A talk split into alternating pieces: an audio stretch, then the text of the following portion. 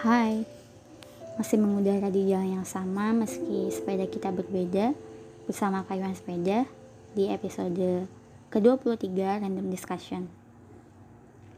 Semoga di mana pun kalian berada, kalian selalu diberikan kesehatan juga kekuatan untuk berjuang dan bertahan menjemput mimpi kita masing-masing dan pada akhirnya kita akan mendapatkan sesuatu yang manis di depan sana. Kali ini di episode ke-23 di akhir Juli dan di musim panas muda aku ingin menyampaikan sebuah pesan yang ditulis oleh Dr. Ando Kim yang tertulis di bukunya Amor Fati.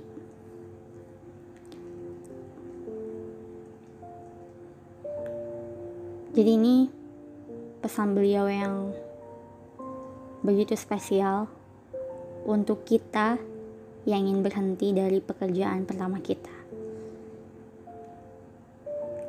So, jika kamu ada di dalam situasi rumit ini.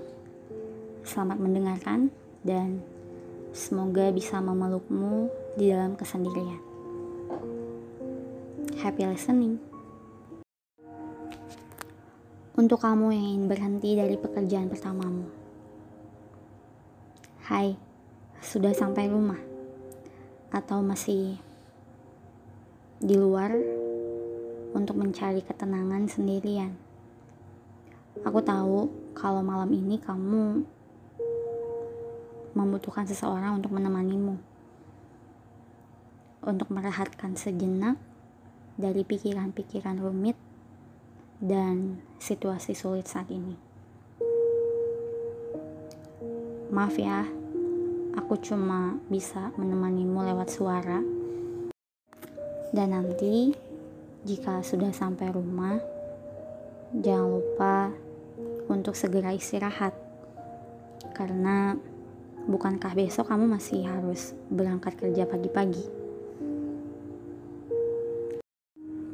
Sebetulnya aku masih merasa tidak enak karena tidak bisa memberimu nasihat yang ingin kamu dengar. Padahal kamu pasti sudah susah payah menemuiku kemarin. Dan aku tahu kamu pasti merasa lebih baik berhenti bekerja kan? Perusahaan yang kamu masuki setelah merelakan seluruh masa emas kehidupan kampus ternyata sama sekali tidak sesuai dengan harapanmu. Sementara itu, senior B yang bekerja di perusahaan lain mengatakan bahwa perusahaannya sangat bagus. Sampai-sampai ia selalu mengelus-ngelus meja kerjanya sebelum pulang karena merasa seperti mimpi bahwa dia bisa bekerja di tempat itu. Ya, meskipun katanya sering diejek teman-teman sekantornya. Itu lucu ya. Dan ya seandainya waktu bisa diulang, kamu mungkin akan merasa lebih baik jika bekerja di tempat itu kan. Karena masih terngiang jelas pertanyaan terakhirmu yang penuh kesungguhan.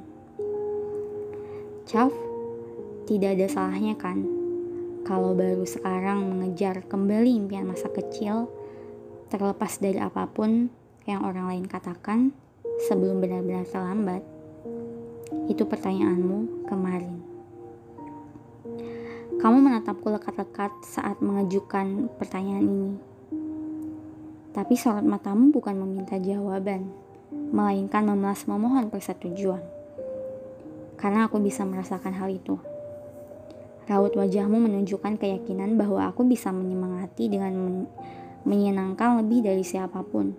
Karena aku sudah melewati beragam jalur kehidupan, begitu katamu, tapi kenyataannya tidak.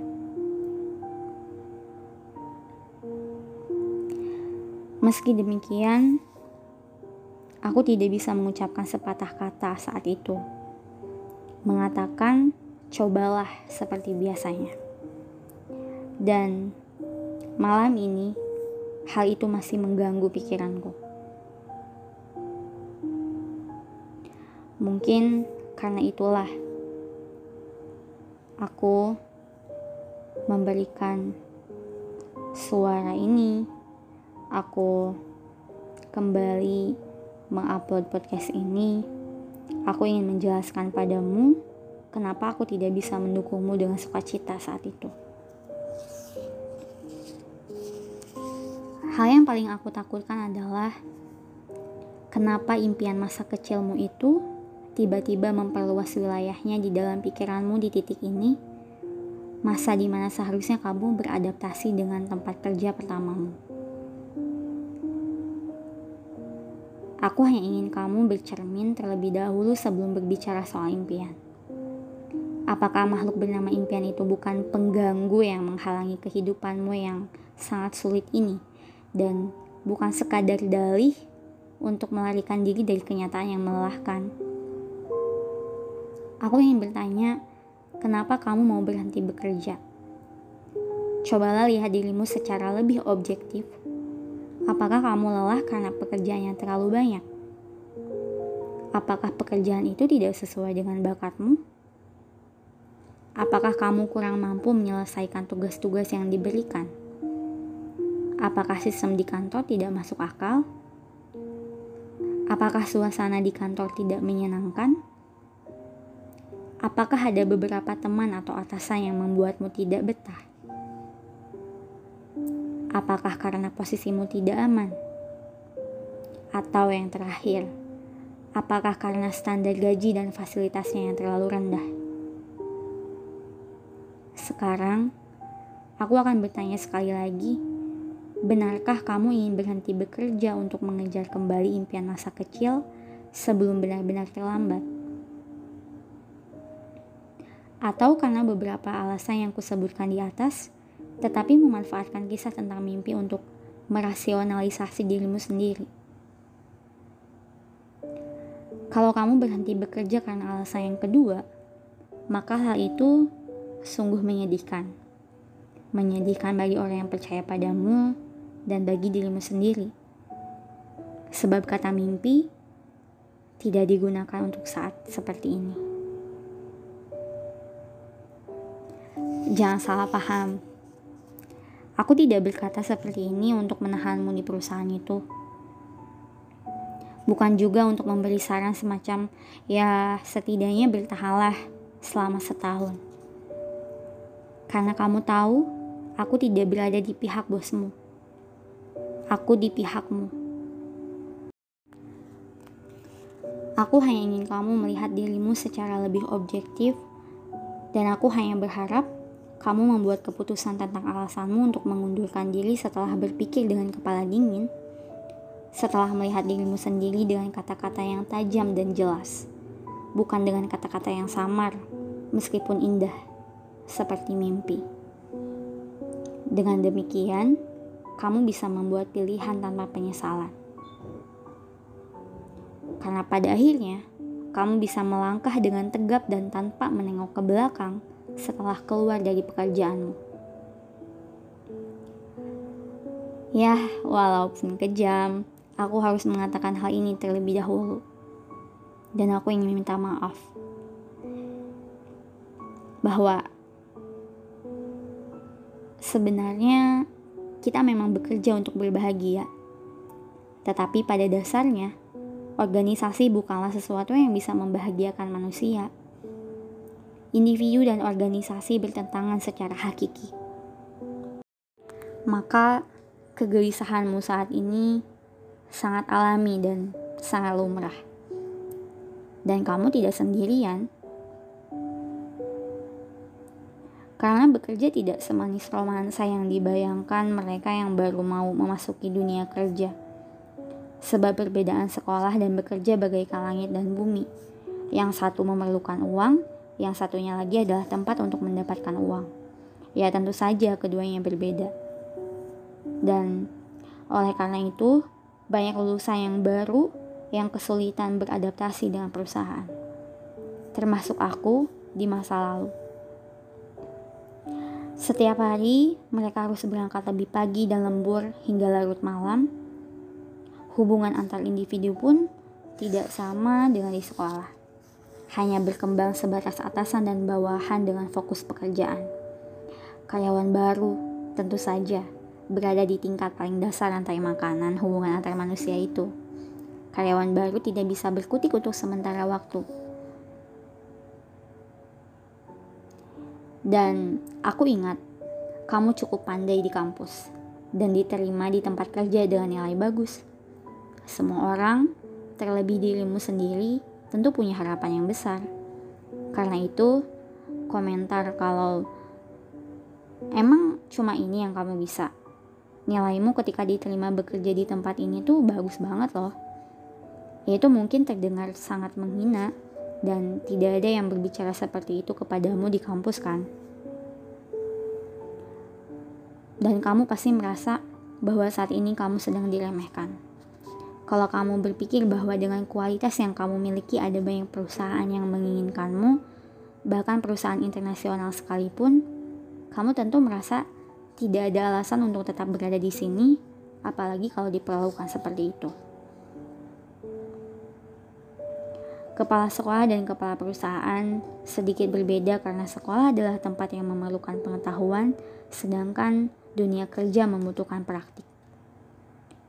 Pengetahuan yang dipelajari di sekolah adalah huruf-huruf yang terkurung di dalam kertas, sedangkan tugas yang harus dikerjakan di perusahaan adalah kenyataan yang mengeksploitasi hidup dan mengguncang perasaan.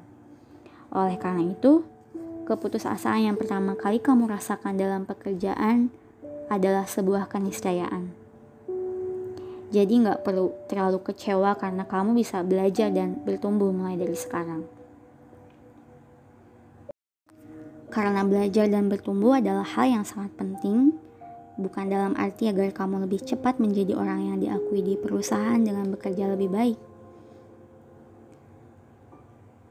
Sudah aku bilang, Aku ini berada di pihakmu, bukan di pihak bosmu. Nah, kata kuncinya adalah di sini. Adalah kamu terus berkembang dan kamu terus bertumbuh. Bahwa kamu sedikit demi sedikit tumbuh menjadi pribadi yang matang dan ahli di tempat kerja yang merupakan setengah dari lahan yang dibentangkan oleh kehidupan. Itulah intinya bukan uang, jabatan, atau pengakuan yang benar-benar bisa membahagiakanmu dan membuatmu puas, melainkan perkembangan dirimu sendiri. Karena berkembang adalah kata yang penting, sama pentingnya dengan kata ada.